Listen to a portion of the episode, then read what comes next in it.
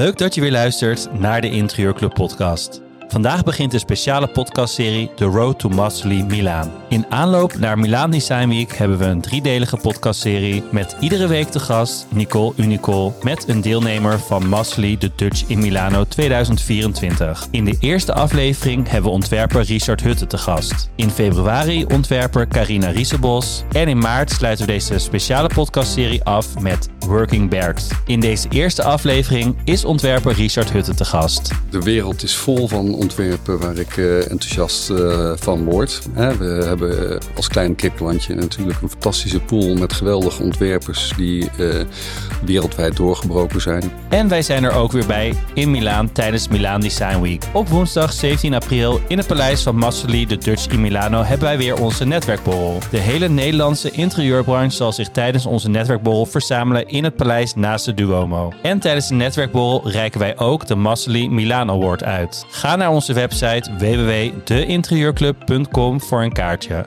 Heel veel plezier met luisteren. Welkom Nicole, leuk dat je er bent. Uh, we gaan een uh, driedelige serie maken over Masterly Milaan, The Road to Masterly. Uh, vertel, wie ben je en wat doe je? De oprichter van Masterly tijdens de Milaan Design Week. En daarnaast organiseer ik nog veel tentoonstellingen in de meeste prachtige paleizen en palazzo's. En ik heb uitgenodigd voor de eerste podcast ontwerper Richard Hutte. Uh, we kennen elkaar al heel erg lang, werken ook al lang samen. En ik uh, leef eigenlijk iedere dag met zijn uh, werk, met zijn objecten. Ik slaap ook iedere dag in een van zijn ontwerpen. Hij heeft een prachtig bed voor mij gemaakt, ik denk al 21 jaar geleden. Met rijdende nachtkastjes van, met aluminium wieltjes. En ook op mijn kantoor staat ook veel van zijn werk. Hele mooie aluminium stoelen, toen nog van het merk Hidden. Dus ja, ik ben eigenlijk wel omgeven door zijn werk. Dus het leek me heel goed om met uh, ja, zo'n hele grote naam uh, te starten. Wat leuk. Nou, welkom ook Richard. Dankjewel. Uh, fijn dat je er bent. Voor jou was eigenlijk jouw internationale doorbraak in Milaan. je was in Nederland al heel bekend en toen ging je naar Milaan en toen brak je eigenlijk door internationaal. Kun je daar iets over vertellen? Dat klopt, dat was in 1993. Dat was natuurlijk een andere tijd. Er bestonden geen podcasten, geen internet, geen mobiele telefoons. En uh, samen met een aantal andere jonge ontwerpers, want uh, toen was ik nog uh, jong en fris, gingen we naar Milaan. stelletje jonge wilde honden onder de noemer Droogdesign. En we kregen letterlijk alle wereldpers over ons heen. En zoals de Engelsen zeggen, ik was famous overnight. Dus Milaan heeft jou veel gebracht. Um, en wat ben je na Milaan met die internationale roem gaan doen? Ik ben doorgegaan met wat ik deed. Dat was ontwerpen. Ik had twee jaar daarvoor mijn eigen ontwerpbureau uh, opgestart. Uh, het leuke van Milaan was dat ik daarna ook heel veel internationale opdrachtgevers kreeg. Uh, de eerste was Zwaya Moroni uit Italië, maar daarna ook INY uit Tokio en allerlei andere opdrachtgevers uit de rest van de wereld. En Nicole, op een gegeven moment ben jij uh, Masterly Milaan begonnen. welk jaar was dat? Mm, we doen nu voor de achtste keer. En waarom is uh, Masterly Milaan belangrijk voor de Nederlandse branche? Nou, ik denk ook uh, wat Richard ook aangeeft. Uh, Milaan is toch wel de plek uh, waar iedereen die ook maar iets doet op interieurgebied naartoe gaat en het volgt. Um, dus dat is wel toch echt de plek, de place to be. En um, ja, in de periode eigenlijk dat ik begon, zag je eigenlijk toch wel steeds een soort toch wel landenpaviljoens um, verschijnen. Dus het leek me toch goed om de Nederlanders bij elkaar te concentreren. Tenminste, de partijen die dat wilden. En we hebben eigenlijk gezien dat dat gewoon heel goed werkt en dat elkaar ook echt versterkt. Dus je hebt een combinatie van eigenlijk de hele grote namen, met daarnaast uh, net afgestudeerde uh, ontwerpers. Um, en dat vinden, vinden ook en journalisten en fabrikanten heel interessant. Uh, dus ja, dat trekt gewoon heel erg veel mensen. Ja, daarnaast hebben we natuurlijk dat uh, hele grote palazzo aan het uh, Domplein.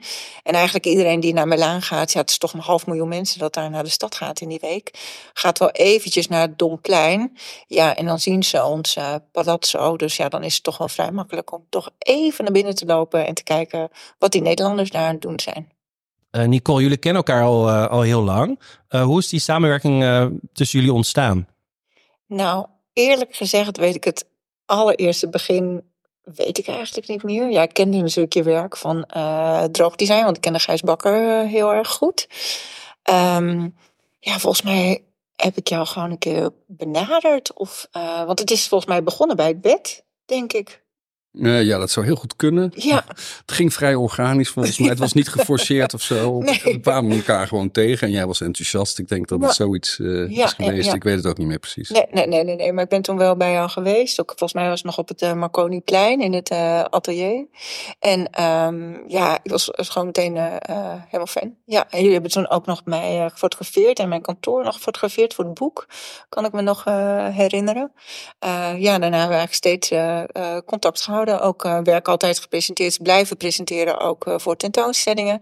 Ook in uh, Paleis Oranienbaum, ook werk gepresenteerd. Dus altijd steeds contact gehouden. Ja, het, is, blijft toch een wisselwerking, hè? zo'n samenwerking met elkaar.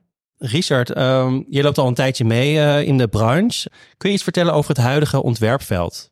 Uh, het ontwerpveld is uh, de afgelopen 30 jaar ontzettend veranderd. Het is veel diverser, veel breder uh, geworden.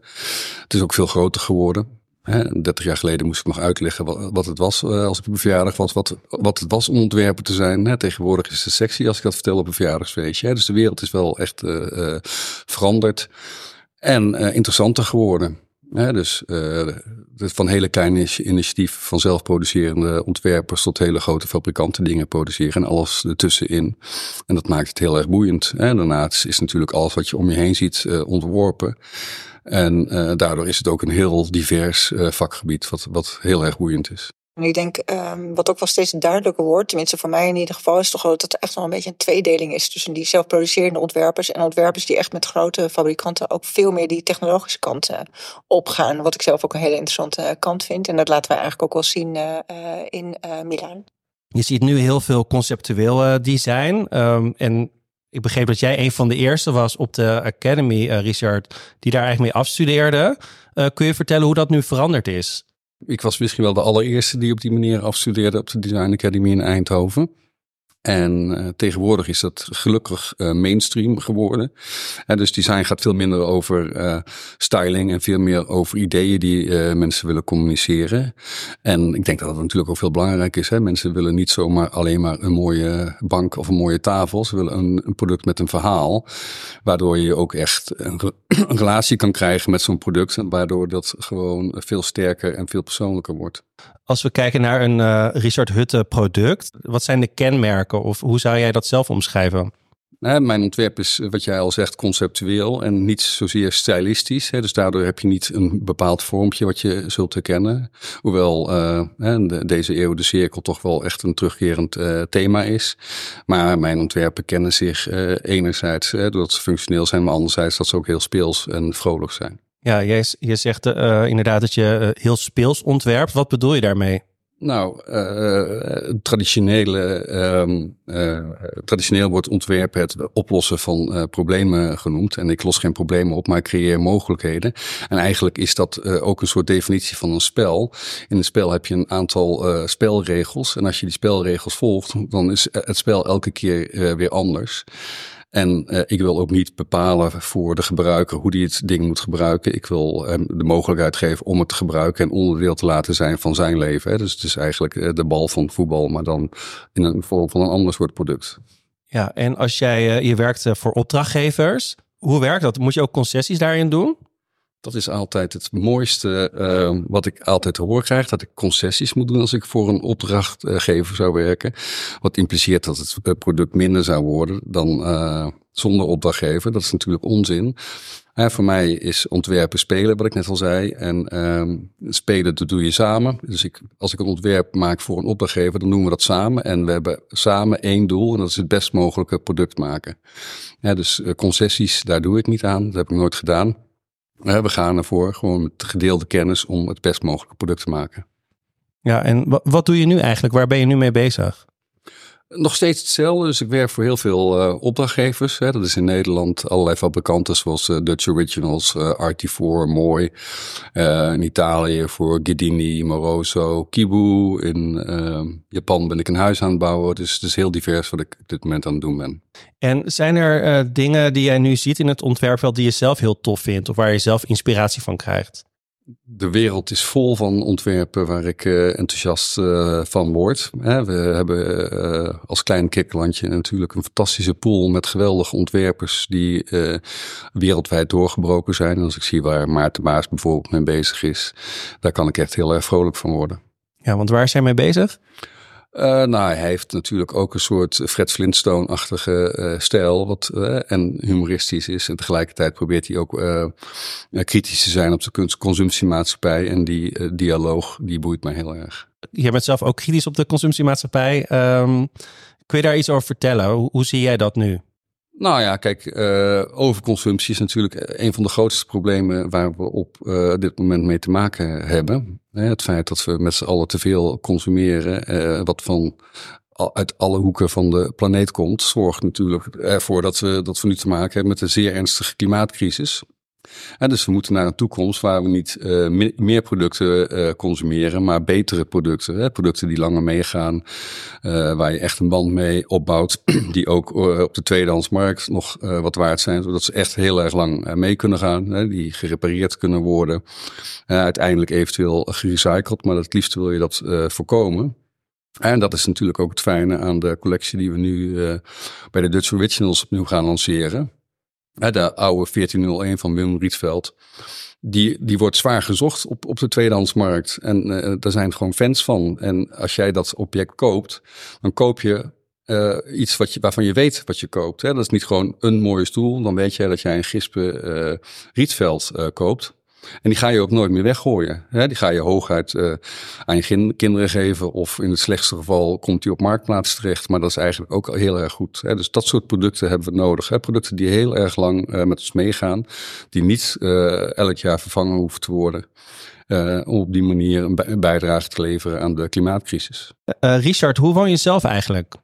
Ehm, uh, sommige mensen zeggen dat ik in een museum woon, maar zo zie ik dat niet. Ik woon in een speeltuin waar ik en mijn kids uh, lekker kunnen spelen. Het is een uh, voormalige autogarage in het centrum van Rotterdam. Bijna 500 vierkante meter, één grote open ruimte, gelijkvloers. dus ik heb dat oude, die oude garage gerecycled tot een woning. Eh, in 2008. Ik heb eh, in 2008 al besloten, uh, die moet van het gas af.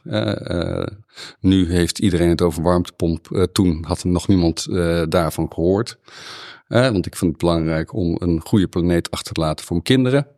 dus ik heb het huis van het gas afgehaald, super geïsoleerd. ik had meteen energielabel A+.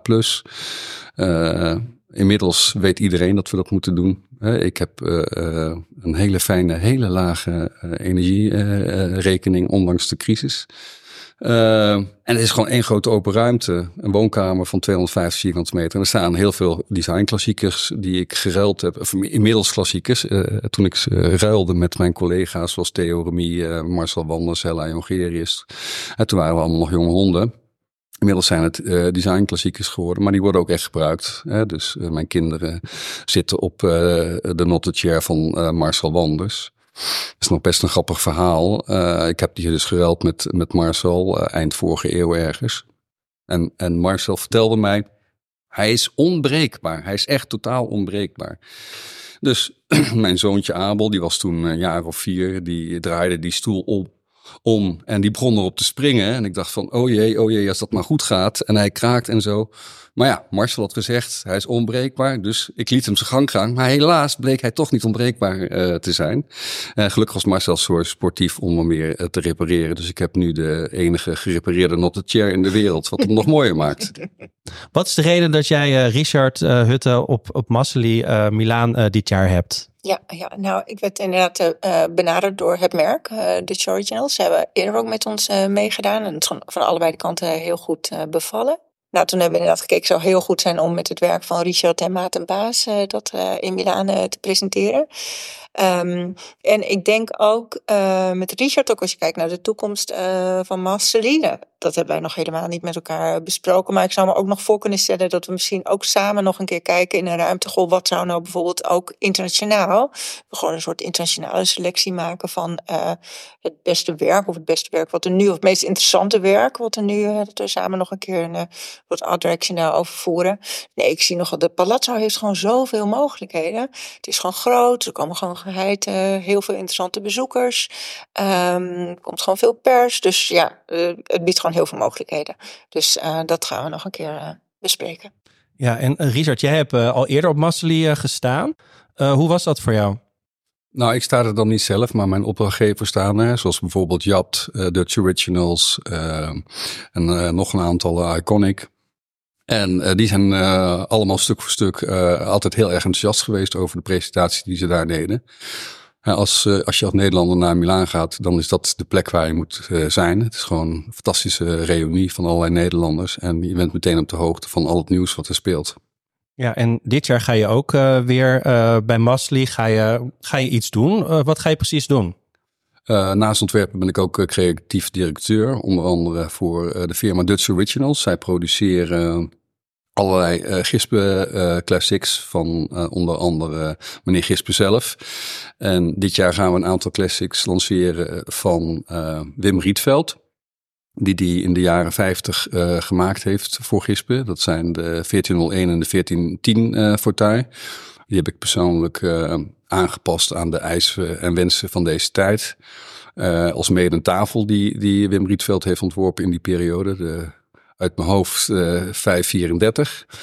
En tevens lanceren we andere klassiekers die van recentere datum zijn, van Maarten Baas. Uh, ik ben twaalf jaar lang creatief directeur voor Gispen geweest. In 2008 heeft hij toen voor Gispen een serie stoelen gemaakt, de More or Less Chair. En die gaan wij onder het label Dutch Originals opnieuw introduceren. Richard, is er nog iets wat je zelf zou willen ontwerpen? Je hebt natuurlijk al heel veel gedaan. wat staat er nog op je lijst? ja, die lijst wordt korter en korter. Vroeger toen ik jong was, toen was ik wielrenner en toen moest ik kiezen. Wat word ik? Word ik professioneel wielrenner of word ik professioneel ontwerper? Nou, we weten allemaal wat dat geworden is.